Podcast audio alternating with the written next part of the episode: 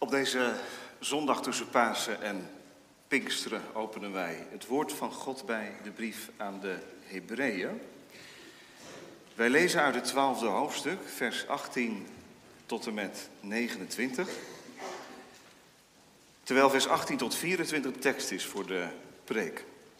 Dus de schriftlezing is vers 18 tot 29, de tekst. Vers 18 tot 24 uit Hebreeën 12.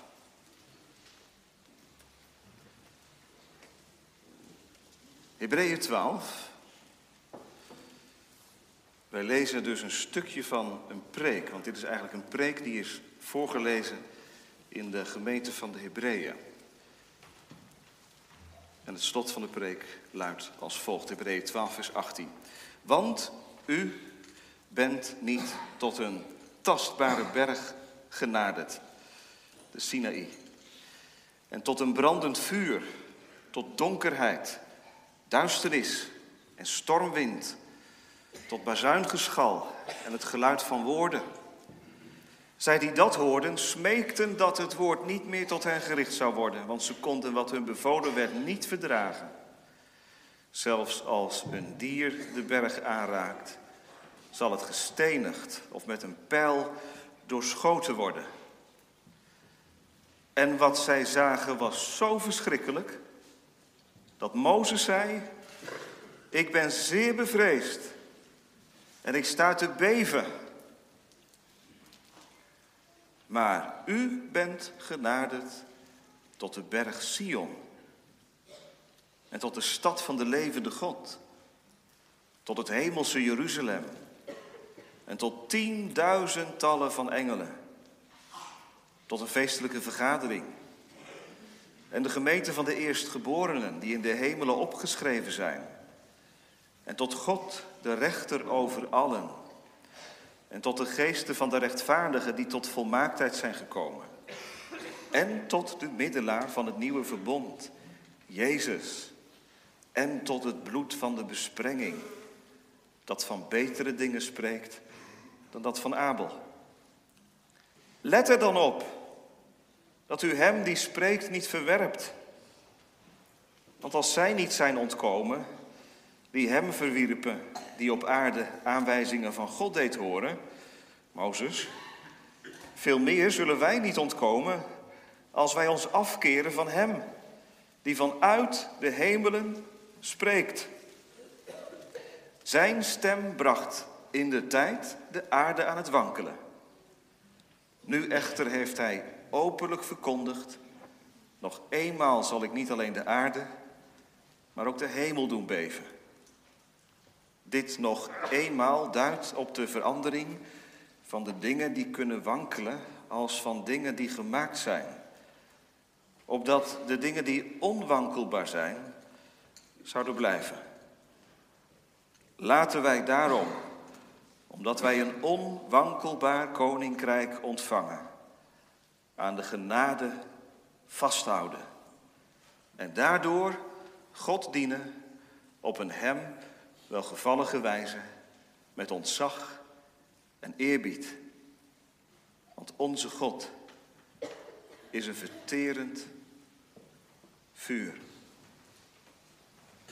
Wat een prachtige psalm, hè, gemeente? Daarom heb ik ook mensen geheel laten zingen. Prachtige melodie, prachtige woorden. Waar denkt u aan bij deze psalm? Iemand zegt, ik denk aan Jeruzalem, aan Sion, Oude Testament. De berg, de stad, de tempel, waar God woonde. Dat is ook zo. Zo is de psalm ontstaan. Iemand anders zegt, ik denk aan het nieuwe Jeruzalem, want we eindigen met de blijde zangers en de speellieden op de harp en de simpel en dan denk ik altijd aan wat komen gaat. De stad met de twaalf poorten, het nieuwe Sion, het nieuwe Jeruzalem. Dat klopt ook, zit er ook in. En je mag het ook zingen met het oog op wat we hier vanmorgen met elkaar mogen beleven. En wat op heel veel plaatsen in Apeldoorn en in Nederland en op de hele wereld gebeurt. Daar stromen mensen samen op één plaats. En daar laat God zijn gezicht zien. Dat zongen we toch? Psalm 100. Kom nader voor zijn aangezicht. Kom in zijn aanwezigheid. Een van de kinderen zegt, ja, maar ik zie God toch niet. Nee, God is ook niet zichtbaar met onze ogen. Maar via onze oren hoor je van Hem. En zo komt er toch een beeld tot stand van wie God is. Als je naar de kerk gaat, is er altijd iemand eerder dan jij. Je bent nooit de eerste. God was er al. Waar twee of drie in mijn naam bij elkaar zijn, daar ben ik. Kom, dat is het thema. Nader voor mijn aangezicht. En daar hoor je verlangen van God in. Hij is het die je wil hebben in zijn aanwezigheid. Wie je ook bent, doorgewinterde kerkganger, toevallige gast, misschien wel verbonden via de livestream, toevallig. Kom, nader voor mijn aangezicht. Dat is reden tot verootmoediging, tot verwondering. Maar we staan ook stil bij verzoening en verwachting. Vier woorden, vier V-woorden. Verootmoediging, verwondering, verzoening, verwachting. En dat allemaal vanwege de tekst Hebreeën 12, vers 18 tot en met 24. Dat is best een lang gedeelte, maar het valt in tweeën uiteen. En dat helpt denk ik al met het luisteren. Het gaat over twee bergen. Twee bergen. En kinderen, als je tekent, dan zou je inderdaad twee bergen kunnen tekenen. Eén berg die is heel donker, die is zwart. Dat is de berg Sinaï. En die tweede berg, dat is de berg Sion. En als je nou kleurtjes bij je hebt, dan mag je alle kleuren gebruiken die je bij je hebt vanmorgen. Om die berg te tekenen. Want dat is een berg die sprankelt. Sinaï is donker. Sion is licht, sprankelend. De eerste gedachte van de preek is verootmoediging. Het gaat over een berg. De eerste berg die we tegenkomen in dit gedeelte is, vers 18, de tastbare berg. Tastbaar betekent hier concreet. Je kunt hem aanwijzen. Tastbaar. Wie wel eens in de Alpenlanden geweest is en aan de voet van een Alpentop gestaan heeft, van zo'n berg, die voelt zich heel klein. Oh, wat indrukwekkend. Dat was de Sinaï ook voor Israël in het Oude Testament. Wij vallen, gemeente, binnen, binnen in deze preek, in deze brief, in de, de Bijbel. Het is een preek, dat kun je weten vanwege um, hoofdstuk 13, waar staat dat dit een woord van vermaning geweest is. Het is dus een preek die gehouden is. En de gemeente die is samengekomen, die luistert naar deze preek, heeft gehoord over Christus, die meer is dan de engelen, meer is dan Mozes, meer is dan Aaron, meer is dan het heiligdom. En dan helemaal aan het eind van de preek, zo'n beetje bij hoofdstuk 12, 13, wordt het concreet, worden de toepassingen gemaakt naar het leven toe. En als we bijna aan het eind gekomen zijn, neemt de schrijver ons nog één keer mee naar het Oude Testament. Naar de Sinaï. En de Sinaï, dat is een berg waar dreiging van uitgaat. Ik heb speciaal die tekst gelezen in Exodus 20, na de tien geboden. Wij knippen die tien geboden uit Exodus 20 en we horen ze iedere zondag. Maar die woorden zijn tot Israël gekomen in een context van geweld, en van donkerheid, van storm en, en dreiging.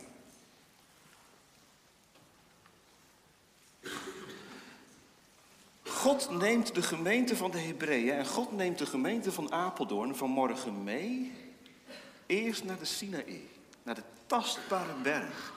Je zou kunnen zeggen, ja, wat heb ik met de Sinaï te maken? Want dat is toch oud-testamentisch? Daar heb ik toch niks mee? Nou, God neemt ons mee in deze kerkdienst allereerst naar de Sinaï. Kom eens mee. Kijk eens naar die berg. Wat gebeurt daar? Er worden zeven dingen genoemd. Kijk maar in uw Bijbeltje. We lezen over brandend vuur. Over donkerheid, over duisternis en over stormwind. Dat zijn natuurelementen. En die vormden de begeleiding van de woorden van God die Mozes ontving. Er is meer gezegd dan de tien geboden, maar dat was een beetje de kern. Het volk van Israël is verlost uit Egypte en de eerste halteplaats is dan de Sinaï.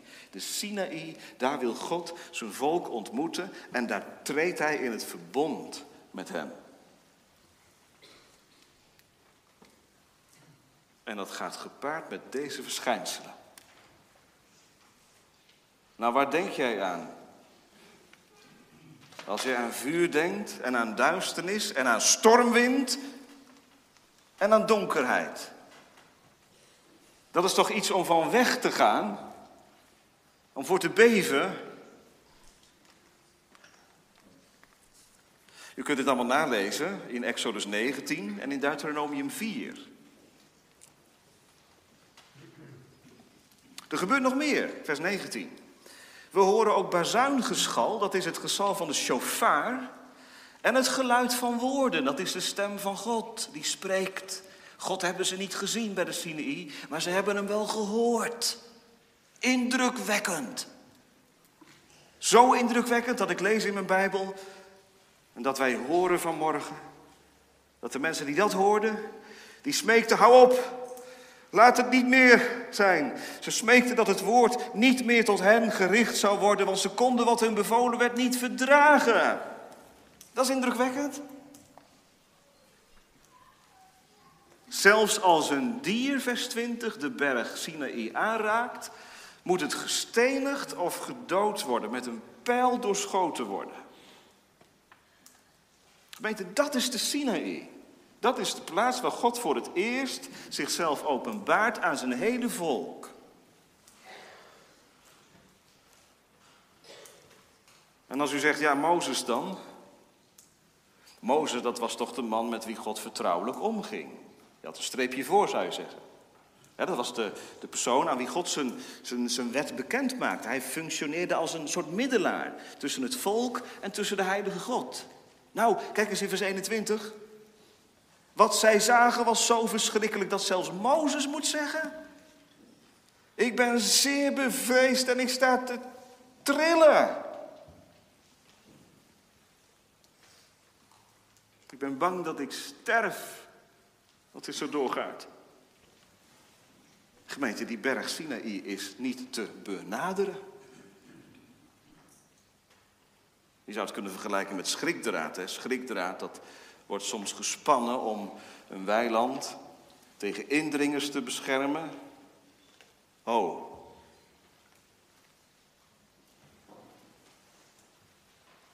God heeft rond de Sinaï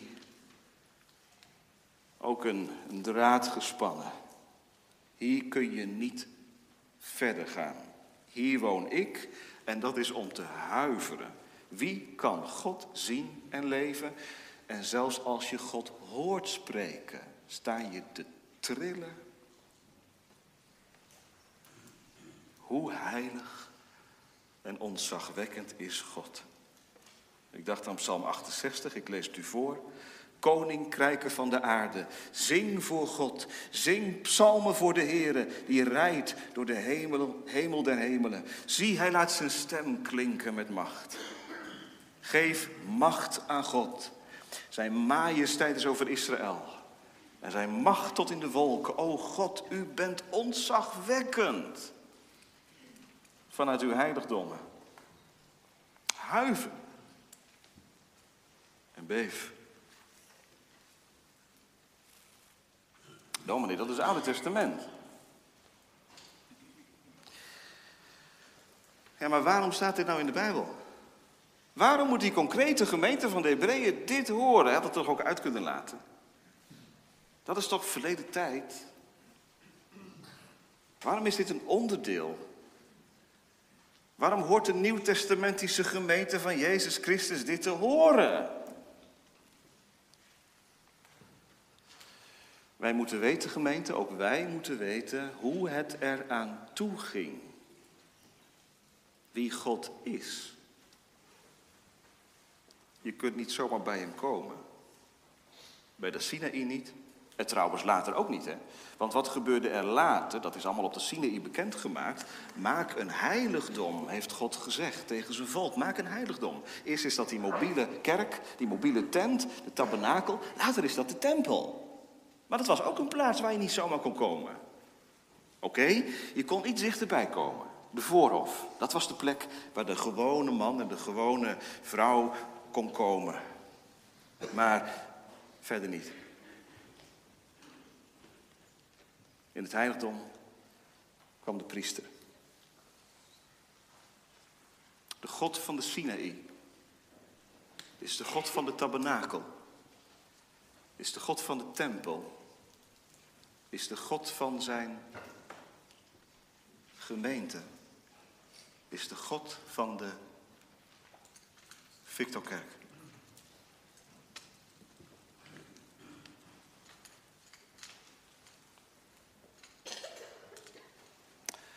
Ik weet niet hoe het bij u is en hoe het bij u leeft, maar dat besef, gemeente, dat is bij mij echt niet op de voorgrond aanwezig. Bij u wel?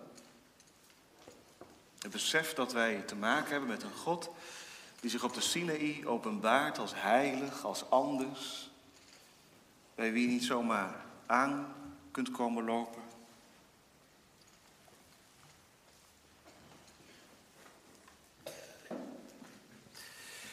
Hebreeën 12 zegt, de God van de Sinaï, dat is geen andere God dan de God van de Sion. God van Jeruzalem.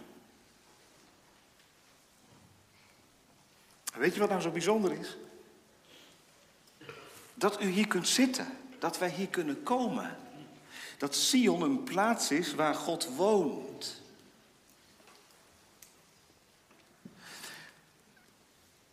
Wat de schrijver van deze brief wil, is het meer van het Nieuwe Testament ten opzichte van het Oude Testament laten zien. Eerst de Sinaï en daarnaast, vers 22, de Sion, de berg Sion. Dan gebruikt hij hetzelfde woordje, kijk maar. U bent niet genaderd tot de tastbare berg, dat is vers 18. Maar u gemeente, concrete gemeente van de Hebreeën, concrete gemeente hier in Apeldoorn, u bent vanmorgen genaderd tot de berg Sion. We zijn niet bij de Sinaï. We zijn bij de Sion. En die is toegankelijk. De stad Sion biedt een vriendelijk welkom. Kijk maar, je mag komen tot de stad van de levende God. Je mag er tot toe naderen, zegt vers 22. Hij wil wonen. Onder ons, bij ons. En ik hoef niet weg te rennen. Ik hoef niet te verstijven van schrik. Het maakt me klein. Verootmoedigd, dat is dat, klein. Dat je je onwaardigheid voelt, dat je in de nabijheid van God mag komen. God bemint de poorten van Sion, zongen wij met Psalm 87. Dat betekent dat de plaats waarvan God zegt, daar wil ik wonen, dat dat een plaats is waar Hij aanwezig is. Natuurlijk, als je stille tijd houdt, of als je met een groep mensen de Bijbel opent, daar is God ook met zijn geest. Maar het is anders dan de kerk. Het is anders dan de samenkomst van de gemeente. Daar nader je tot God en daar is Hij. Op een nadrukkelijker manier dan waar dan ook. Gemeente, dat maakt me klein. Als ik besef dat ik nu in de aanwezigheid ben van de levende God. En we zullen horen wat het allemaal inhoudt. We zijn genade tot de berg Sion. U nadert vanmorgen tot de berg Sion. En daar spreekt God. Daarom zegt de auteur in vers 25 ook: Let erop dat u hem die spreekt niet verwerpt. God sprak op de Sinaï en je verstijfde van schrik. Maar op de berg Sion spreekt God ook. Verwerp hem niet. Keer je niet af van de stem van God. Luister verder. Dan breng ik bij de tweede gedachte, die van verwondering. Weet jullie nog, kinderen, die twee bergen? Die zwarte, donkere berg, Sinaï. En daarnaast Sion, die berg met allemaal kleuren. We gaan eens dichterbij komen, nog dichterbij komen. Wat houdt dat dan in dat je mag naderen tot de berg Sion? Ja, dat woordje naderen, dat is een heel bijzonder woord. In de brief van de Hebreeën komt heel veel voor. En het werd in het Oude Testament gebruikt voor de priesters. Die mochten naderen in het heiligdom.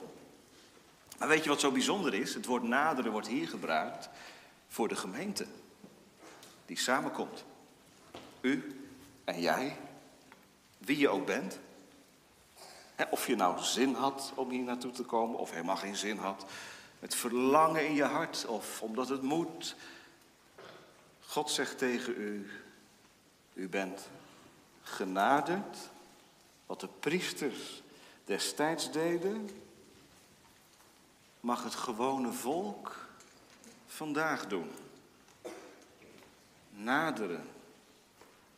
En je wordt niet gefouilleerd bij de ingang, maar je mag komen zoals je bent, in zijn nabijheid.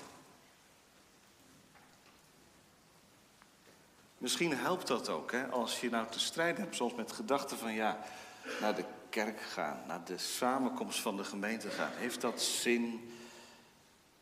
Het moet. En de enige reden waarom je zou moeten gaan is ook omdat je ouders misschien zeggen of omdat je het van jezelf vindt. Ja, je moet gaan. En misschien zou het helpen hè, om, om dit nou eens te bedenken. Je nadert tot de berg Sion. De Heer verlangt ernaar om jou zonder verlangen te ontmoeten. Hij roept je in zijn nabijheid. En het wordt nog heerlijker. Het wordt nog heerlijker. En nu gaan we de elementen vanaf vers 22 met elkaar bekijken. Bij de berg Sinai waren er zeven. En nu zijn er acht. U bent genaderd tot de berg Sion, tot de stad van de levende God. De Sion is belangrijker in de Bijbel dan de Sinaï. Want bij de Sinaï moest het volk niet rusten. Sion, dat was de plaats van Gods rust. En daar mocht het volk tot rust komen. Sion lag ook in het beloofde land, later Jeruzalem. De Sinaï niet. De Sion, dat was de plaats die God had uitverkoren. En dat beeld van de Sion wordt in het Nieuwe Testament ook gebruikt voor de gemeente. Later nog weer voor het nieuwe Jeruzalem. U bent genade tot de berg Sion. Dat is de gemeente. En maak dat maar heel concreet. Zoals je vanmorgen bent opgekomen en om je heen kijkt. De stad van de levende God. Ja, maar zegt iemand, dat komt toch allemaal nog een keer? Dat is toch allemaal toekomstmuziek? Nee, nee, nee. Wie door het geloof aan Christus verbonden is, is een burger van het hemelse Jeruzalem. Jeruzalem is onze moeder, zegt Paulus. Ons burgerschap is in de hemelen. Wij komen hier samen op de aarde. Stad van de levende God. Je mag er naderen. Het hemelse Jeruzalem. Ja, zo staat het er, ja. Daar woont de levende God. Maar wat wil de schrijver duidelijk maken? Het hemelse Jeruzalem is ook op aarde, daar waar zijn gemeente samenkomt, daar is de hemel op aarde. Of gelooft u dat niet? Denkt u dat als wij samenkomen, dat het alleen maar een kwestie is van mensen? Dus dominee is een kerkraad, zijn mensen, is een organist, ja, doe je met elkaar. Gemeente, wat heeft deze samenkomst dan meer dan een gezellige samenkomst in het dorpshuis? Ja, zegt iemand, maar als ik om me heen kijk, zie ik echt alleen maar mensen hoor. Dat is ook zo. Maar als wij samenkomen in Gods gemeente, is er meer. Het is het hemelse Jeruzalem. Het heeft al de trekken van wat straks komen gaat. Er zijn engelen, tienduizendtallen van engelen. Ze zijn er vanmorgen gemeente onder ons. Zoveel mensen zijn er niet, maar zoveel engelen wel.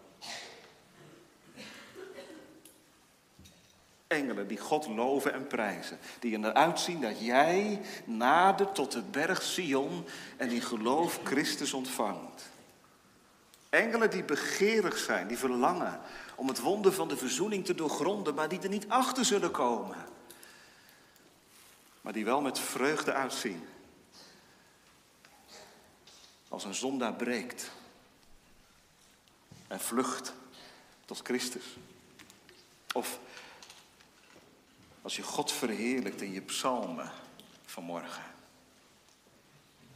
Dat de engelen daarin ook vreugde vinden. Ze verheerlijken God immers. Samen met ons. Wat staat er nog meer?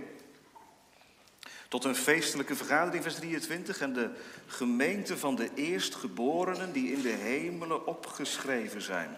Moeilijk, waar gaat het hier over? Het gaat over mensen die nu reeds in de hemel zijn. Misschien je opa wel. Of je man. Of je kind. Wat zeggen we dan? Als ze in Christus ontslapen zijn, dan zijn ze thuis gekomen. Ze zijn bij Hem. Maar weet u dat er ook verbinding is tussen boven en beneden? Als we in de gemeente, in de samenkomst van de gemeente komen, dan zijn we daar. Waar de gemeente van de eerstgeborenen is. Er is verbinding tussen boven en beneden. Er is verbondenheid met de triomferende kerk. Ik heb wel eens gehoord dat mensen dat ook kunnen ervaren aan het avondmaal. Verbondenheid met degenen die zijn voorgegaan. En als iemand zegt, nou dat, dat, kan ik me heel moeilijk voorstellen. Kijk eens een hoofdstuk terug dan, Hebreeën 11. Waarom staan al die namen in de Bijbel? Abraham, Abel, Henoch, Sarah. Waarom? Ze zijn onderdeel van die grote gemeente van Oude en Nieuwe Testament, die in geloof gestorven zijn. En wanneer je ingelijfd bent in Christus, ben je samen met hen één gemeenschap, een feestelijke vergadering. En de gemeente van de eerstgeborenen die in de hemelen opgeschreven zijn. Je, ik, ik zeg het u vanmorgen, ik verkondig het u, maar het duizelt je als je hierover denkt. Er staat nog meer. Wie nadert tot de berg Sion, komt tot God de rechter over allen. Wat betekent dat?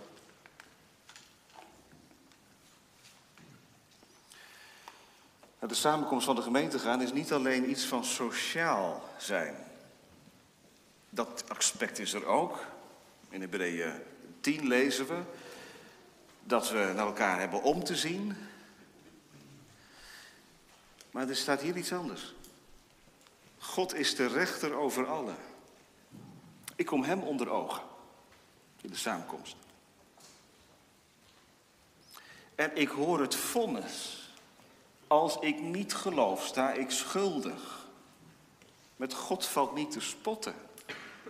Hoor je dat in de samenkomst? Jazeker. Het laatste oordeel komt. Het zal wat zijn als je niet bij die feestelijke vergadering hoort. Als, als, als kerkgang iets was van het hoort erbij, maar niet meer dan dat. Hoe zal ik rechtvaardig verschijnen voor God? God is de rechter over alle. Hij weegt. Hij weegt straks in dat oordeel mijn leven. Maar hij weegt ook hier mijn leven. En laten we er niet mee spelen, gemeente. Het zal wel loslopen. God is de rechter over mijn leven. Ik kom hem hier vanmorgen onder ogen. En hij ziet mij zoals ik ben. Hij doorgrondt mij. Hij kent mij. Hij wijst mijn zonde aan. Hij is de rechter over allen. Dat is toch wel iets om van te schrikken, zegt iemand. Ja, als je daar nooit voor geschrokken bent, is dat wel reden om van te schrikken, ja. Dat God de rechter is over allen en dat het zijn in de gemeente ook dit in zich heeft. Dat je je stelt in de lichtkring van Gods woord en dat het woord van God je mag spiegelen. Zo mag spiegelen. Dat je misschien tot ontdekking komt dat er geen levende band is met Jezus Christus. Dat is schrikken. Maar dat is nuttig. Dat is een onderdeel van die samenkomst. Kom nader voor mijn aangezicht. En dan het laatste wat ik nu even bestil sta. Tot de geesten van de rechtvaardigen die tot volmaaktheid gekomen zijn. Waar gaat het over? Daar gaat het over de mensen die inmiddels de volmaaktheid bereikt hebben. Die gewassen zijn in het bloed van het lam. En die ons zijn voorgegaan. Opdat wij volgen. Ik stop hier even. En bij punt 3 wil ik de rest. Vers 24 behandelen. Gemeente, kunt u op grond van wat u nu gehoord hebt misschien beter begrijpen waarom in Hebreeën 10 vers 25 staat dat wij de onderlinge samenkomsten niet moeten nalaten.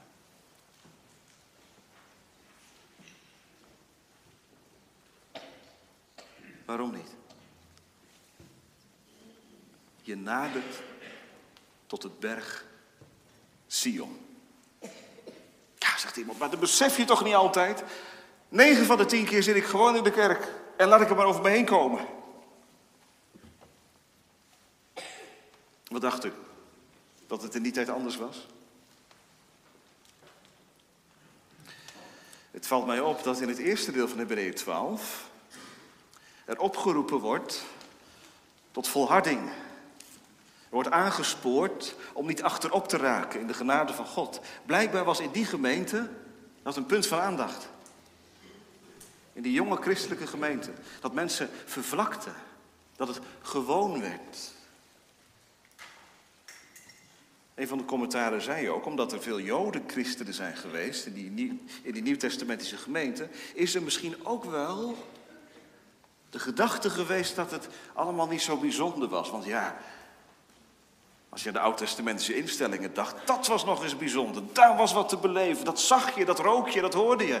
En dan kwam je samen in zo'n samenkomst. Zo bijzonder was dat niet. En dan horen deze mensen in de preek dat die gewone, gewone samenkomst het naderen is tot de berg Sion.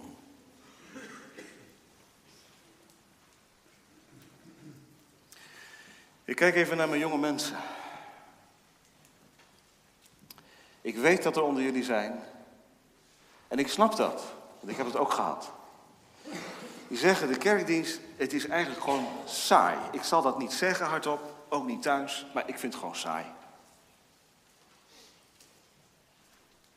Ja, wil je iets beleven, wil je echt een kick krijgen, dan moet je naar een stadion, naar een theater. Mensen, mensen, wat je daar beleeft. Kan een kerkdienst niet tegenop, toch? Anderhalf uur stilzitten. Altijd hetzelfde. En misschien zijn er ook wel kinderen hè, die dat denken. Die zeggen, ja, dominee, als ik heel eerlijk ben, vind ik de kerkdienst best wel moeilijk. Ik ga mee, maar ik vind sommige dingen veel leuker. Ik weet ook dat er kinderen zijn wie het anders is. Die zeggen, ja, er zijn best moeilijke dingen, maar ik vind het zo fijn om naar de kerk te gaan. Omdat ik weet dat God daar is. En omdat ik weet dat Hij mij ziet. En dat Hij zijn zoon voor mij gegeven heeft. Nou, dat is geweldig. Dank God ervoor dat het zo met je mag zijn. Maar wat als het nou anders is? Hè? Dan luister je vanmorgen naar de preek zeg je... Ja, dominee, u zit daar te oreren over de, over de samenkomst... maar het gaat allemaal langs mij heen. Ik beleef het niet zo.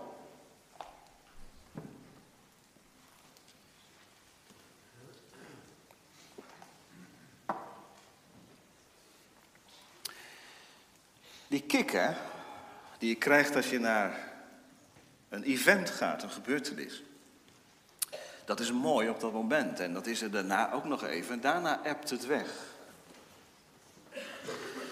Nee, de kerkdienst is geen gebeurtenis, geen event in de zin van spectaculair. Het gaat altijd weer anders. Het is ergens heel voorspelbaar. Weet je, bekering heeft ook te maken met je gedachten veranderen. Als ik iets saai vind, ja, dan blijft het saai. Maar laat je gedachten vanmorgen vormen door deze woorden. Wat doen wij hier? Wij komen niet naar een spektakel kijken. Maar we naderen in de aanwezigheid van God. Ik zie hem niet. Hij is de onzichtbare. Dat is ook zo. En toch geloof ik op grond van het woord. Dat vraagt geloof. Dat waar twee of drie in zijn naam bijeen zijn, dat hij daar is. En dat hij je kan aanraken vanmorgen door de Heilige Geest. Dat maak je nergens anders mee. Er is maar één plaats waar je echt tot geloof kunt komen, gered kunt zijn. En een toekomst kunt ontvangen dat als je straks de laatste adem uitblaast, dat je thuis komt. Dat is deze plaats.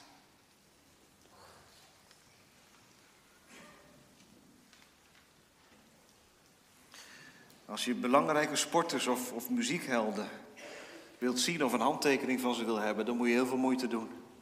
Misschien lukt het je om in de aanwezigheid te komen van zo'n idool. Maar jij bent vanmorgen genade tot de berg Sion, echt. Jij bent vanmorgen in de samenkomst waar Hij is. Waar Hij woont, waar Hij spreekt.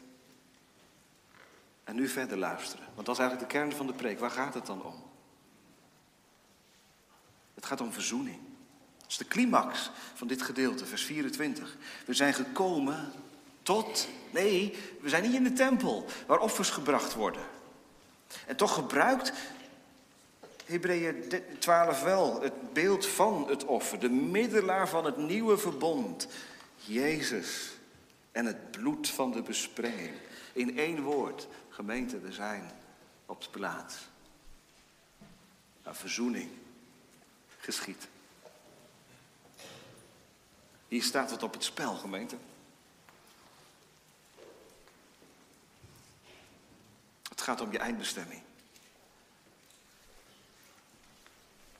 En de grootste zorg van je schepper is dat dit leven en je eindbestemming, dat die goed zijn. Want je kunt zomaar de hemel mislopen hoor. Weet je, dat gaat vanzelf. De hemel mislopen. God mislopen, dat gaat vanzelf. Dat zit in ons. We hebben Jezus nodig. Zijn verzoening, zijn vergeving. Waarom mag je vanmorgen naderen zonder schrik en zonder huiver en zonder beven? Waarom heb je een plaatsje gevonden onder dit dak? Omdat de middelaar de toegang tot God gebaand heeft. Je mag naderen tot de berg Sion, omdat de middelaar Jezus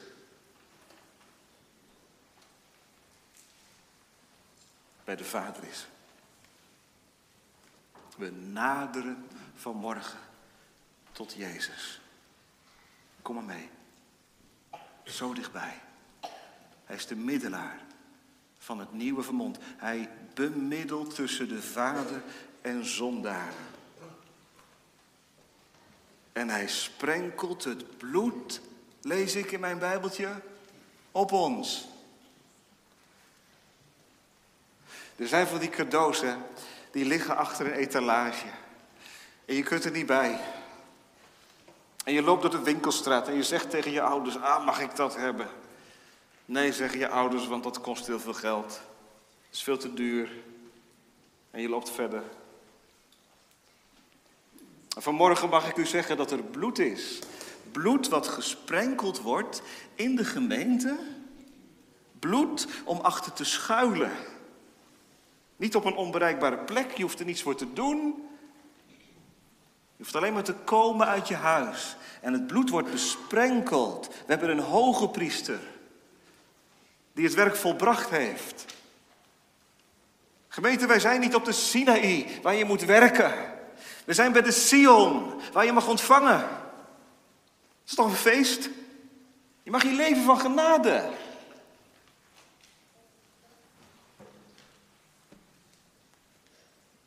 Het zou wat zijn als in een land waar grote tekorten zijn in levensonderhoud en waar mensen rond moeten komen van een minimuminkomen, dat daar een staatshoofd opstaat en zegt, maar ik ga voorzien in alle noden. Zou toch wat zijn dat in een land waar een ernstige ziekte is, en er worden medicijnen ontdekt, dat de president zegt, nou, deze medicijnen bied ik aan iedereen aan. Gratis en voor niets. Het zou toch wat zijn dat in de landen waar nu oorlog is, dat daar iemand opstaat die zegt, maar ik heb het middel om de terreur en het bloedvergieten te stoppen.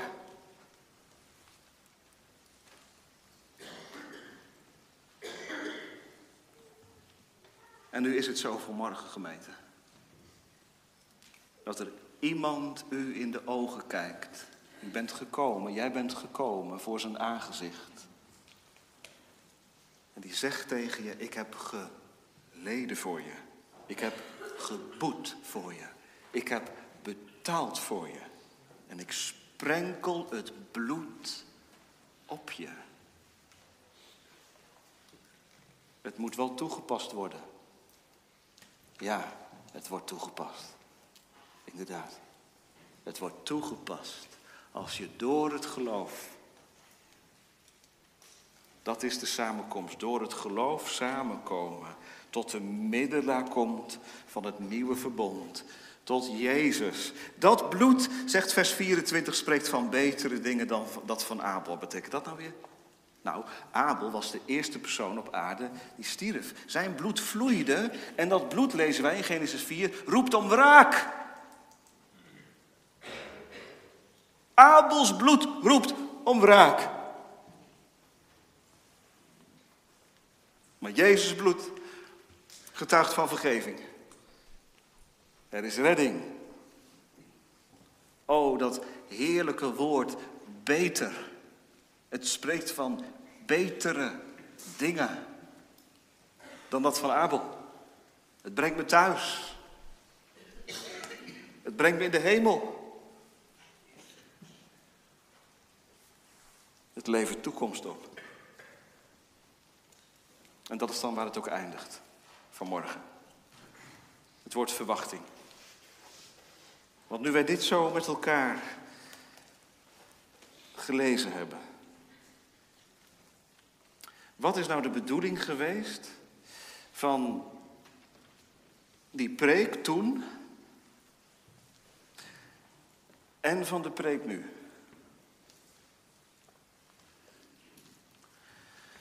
Gemeente, wij zijn onderweg. Dat staat in Hebreeën. Wij zijn onderweg naar de stad die fundamenten heeft. En dat heb ik nodig te weten. U ook? Want op maandag focus ik mij weer helemaal op het leven hier en nu. En ik heb daar een taak. En ik heb daar een opdracht. Maar ondertussen ben ik wel onderweg. En ik dank God voor deze dag. En voor de aandacht die Hij aan mij besteedt. Om gericht te zijn en te blijven op wat komen gaat. Straks heb ik het niet meer nodig, die herinnering. Maar nu wel. Wij zijn genaderd. Ik kom nog één keer op dat woordje terug. Wij zijn genaderd tot de berg Sion. Ik heb het uitgelegd als dat is de samenkomst. Uiteindelijk gaat het heen naar het nieuwe Sion. Wij zijn genaderd. Wij zullen naderen. Tot de berg Sion, waarvan Openbaring 21 spreekt dat dat de stad is. Het nieuwe Jeruzalem, wat van God afdaalt uit de hemel. Gemeente, kijk je af en toe wel eens uit het raam? Als je een bootreis maakt, je vaart van de ene naar de andere kant, dan kijk je toch af en toe uit het raam, want je wilt aan de overkant komen. Gaat er af en toe een venster open? Hier, onder de verkondiging van het woord. Wij zijn soms zo uit hè, op intense ervaringen en, en belevenissen in de kerk. Maar God wil ons gaandeweg voeden met verwachting. Dat is een proces waarin Hij zijn, zijn kinderen meeneemt. Godsdienst, oefening. Als je naar de sportschool gaat, dan weet je dat je na één training er ook niet bent. Moet je mee doorgaan. Zo is de samenkomst. Een voortgaande herinnering. Wij naderen, wij naderen, we zijn onderweg. Waar ben je naar op reis? Ga je naar huis? Naar het hemelse Sion? Ben je ook onderweg? Naar de stad van de levende God? Naar het hemelse Jeruzalem? En de tienduizendtallen van engelen? Dan zal ik hem zien zoals hij is. En dan zal ik aan hem gelijk zijn. En dan zal al dit oude en al dat trage en alles wat mij nu weer houdt voorbij zijn. En wat geen oog heeft gezien. En wat geen oor heeft gehoord. En wat in mijn hart niet is opgekomen. Dat heeft God voorbereid voor mij.